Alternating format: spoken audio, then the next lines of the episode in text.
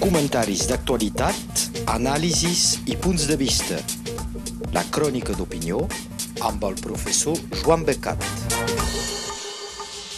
El tenim aquí amb nosaltres als estudis i encara escrivint alguna nota. Bon dia, Joan Becat. Bon dia. Hem de parlar de l'ús de l'aigua amb coses difícils d'entendre. Sí, a veure, falta aigua a diversos municipis. Ja n'hem parlat la setmana passada. Les capes freàtiques són baixes o s'estan aixugant, car tots els municipis i els particulars hi pouen l'aigua com si fos un recurs sense límits. I no és el cas. S'ha vist que la calor i la sequera d'enguany no van permetre que se recarreguin aquestes reserves d'aigues del subsol. Hi ha més que preocupació per l'any vinent i més enllà.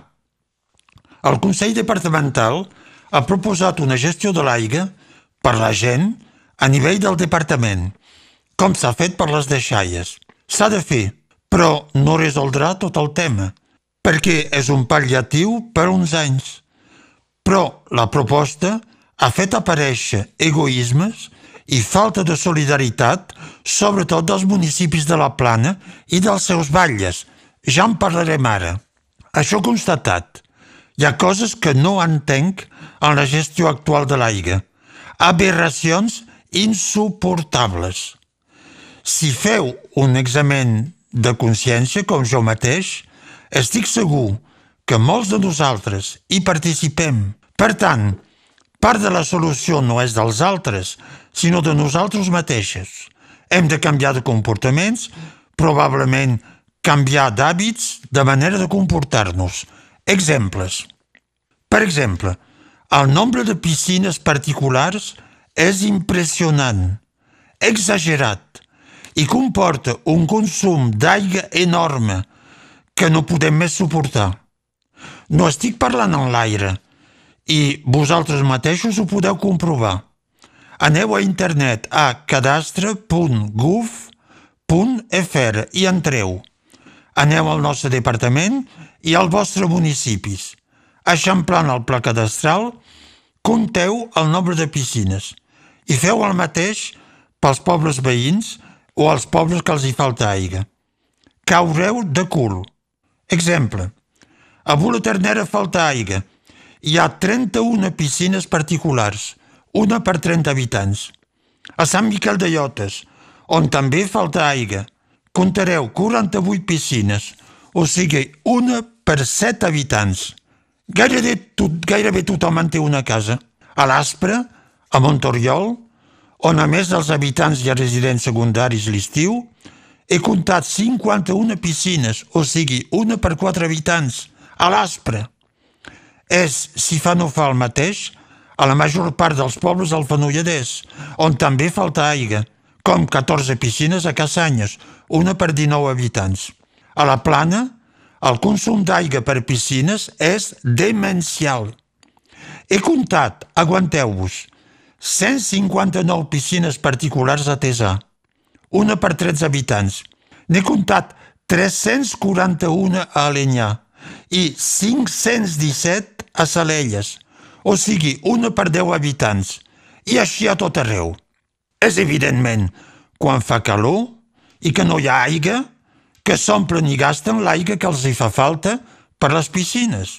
Aquests excessos són una aberració que no es podrà aguantar molt de temps més. És a dir, que d'una banda no es diuen de modificar l'aixeta dels cabinets per limitar el consum d'aigua quan tireu l'aixeta i tancar el, el robinet quan te rentes les dents. I la major part de nosaltres fa una disbauxa d'aigua potable per les piscines. Traieu-ne la conclusió. És que heu notat algunes altres aberracions? Algunes més. Passa el mateix amb els jardinets que envolten les casetes individuals dels voltants dels pobles, sovint que tenen també piscines, que gairebé tothom rega aquests jardinets amb l'aigua del projecte, amb l'aigua potable.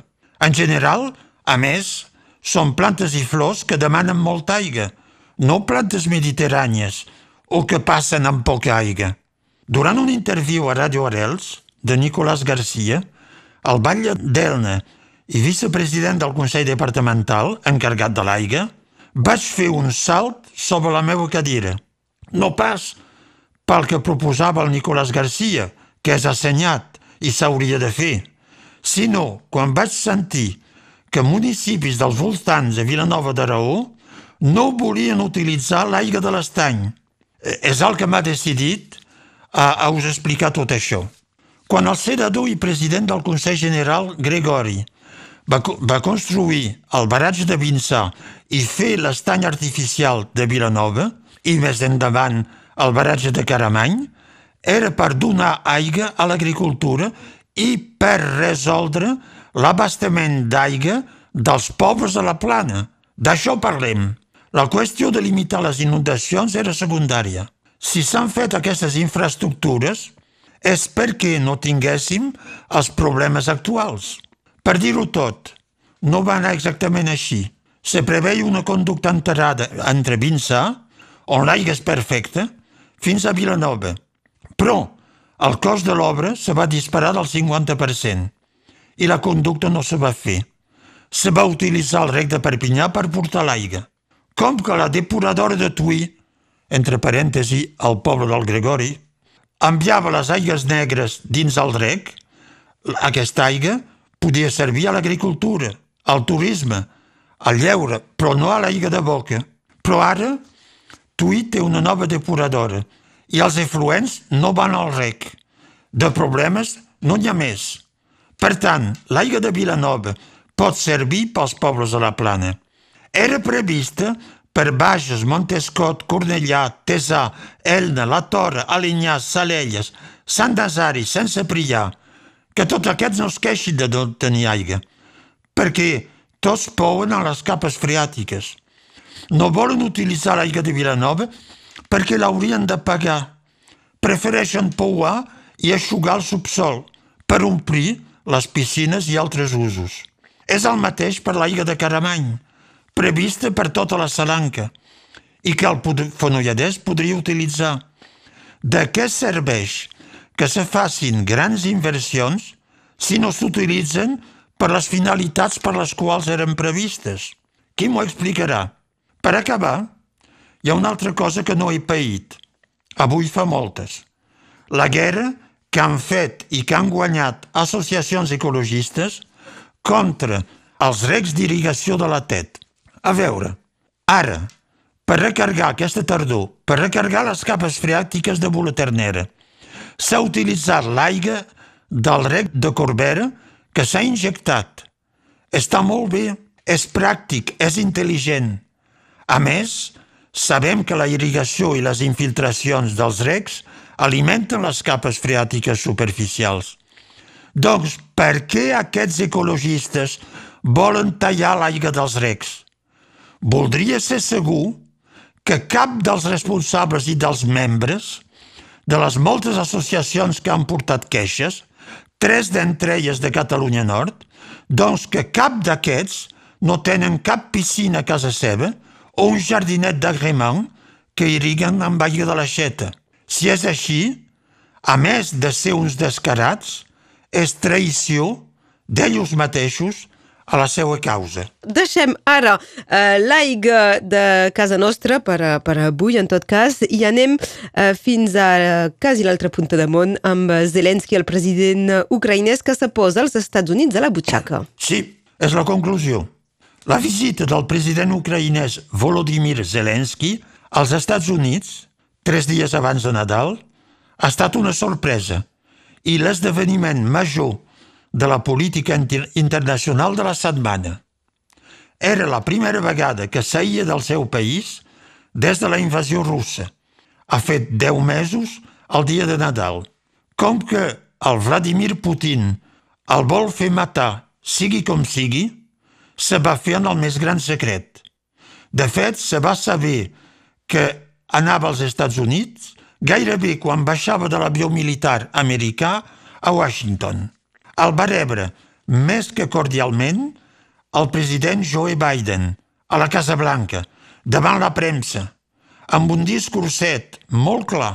Els Estats Units suportaran Ucraïna el temps que faci falta i, dins els pròxims enviament d'armes, hi haurà bateries de míssils Patriot, els més bons, per defensar l'espai aeri dels míssils russos i dels drons iranians. Zelensky va donar les gràcies al president, al Congrés i al poble americà, amb senzillesa, però també amb molt impacte mediàtic i sentimental pels americans, a qui agraden els herois de guerra, Zelensky ha fet entrar la guerra al despatx oval de la Casa Blanca. En efecte, va oferir a Joe Biden la medalla que un capità ucraïnès havia rebut al front i que Zelensky havia recollit dies abans en primera línia. Aquest capità, Pavlov, és el seu nom, li havia demanat de donar-li al president americà per les armes que els permetien defensar el seu país contra els invasors russos. Una carta l'acompanyava. Era, evidentment, un cop mediàtic, encertat, però també, com l'uniforme de combatent que portava sempre Zelensky, tenia un fort caràcter d'autenticitat. Era tocat al dit la guerra. Zelensky va ser rebut i ovacionat al Congrés, al Capitol, on eren reunits senadors i representants, és a dir, els diputats, tots. El seu discurs va ser també molt clar i pensat pel poble americà, per l'opinió pública, més enllà dels elegits, car començava a notar-se als Estats Units la lassitud i opinions que deien que calia acabar amb Ucraïna. Zelensky va dir els vostres diners no són una caritat, són una inversió per la seguretat global i per la democràcia. Va parlar de defensa de la llibertat, dels valors democràtics contra la tirania, barrejant Rússia i Iran, que tenen dins el mateix paquet. Aquí també hi va haver un gest mediàtic encertat, car va oferir a les presidentes del Congrés i vicepresidenta americana una bandera ucraïnesa, blava i groga, firmada pels combatents del front a Bakhmut, on hi ha ara els principals combats. Defensar heroïcament el seu país i la llibertat contra els agressors i els dictadors són també elements que agraden als americans. Zelensky s'ha posat, doncs, als Estats Units a la butxaca, el president, el Congrés i l'opinió pública. És cert que no li faltaran les ajudes i les armes. I acabarem no pas amb una telenovela de Nadal, sinó amb un melodrama constitucional a Madrid. Exactament. Vulneració de la Sagrada Constitució espanyola per qui l'ha de fer respectar. Jutges que desafien el Congrés, els diputats i els senadors. Crits que és un cop d'estat judicial. Madrid és en ebullició. De fet, pateixen a Espanya el que han desencadenat ells contra Catalunya fa cinc anys i que ara se regira contra ell els que han despertat la bèstia judicial que semblava adormida. Siguem més clar, i cap metàfora. El govern Sánchez fa una llei per reformar la justícia, essencialment suprimir la sedició i obligar a canviar els jutges de les altes instàncies judicials, els que són caducats i que el Partit Popular bloqueja. Ja n'hem parlat aquí. Tot semblava llis i formalitat, que la llei ja havia passat als diputats i el Partit Popular porta queixa davant del Tribunal Constitucional abans que passi al Senat. D'un dia per l'altre, en un cap de setmana, aquest eh, Tribunal Constitucional invalida una part del text, la que precisament obligava a canviar els jutges que tenen el mandat caducat, dos dels quals del propi Tribunal Constitucional que han votat el seu manteniment, cosa que podia canviar la majoria. Trenquen un procés parlamentari, trenquen el principi de separació de poders i s'automantenen en el càrrec. Car els jutges dits conservador del Tribunal Constitucional són en realitat afins a l'extrema dreta. No són neofeixistes, perquè ho han estat sempre de feixistes. En van parlar durant el procés dels presos polítics catalans, que van fer la genealogia d'uns quants. El Senat i els diputats que han fet ho han acceptat i han votat sense els apartats concernint els jutges, que ells manen a Espanya.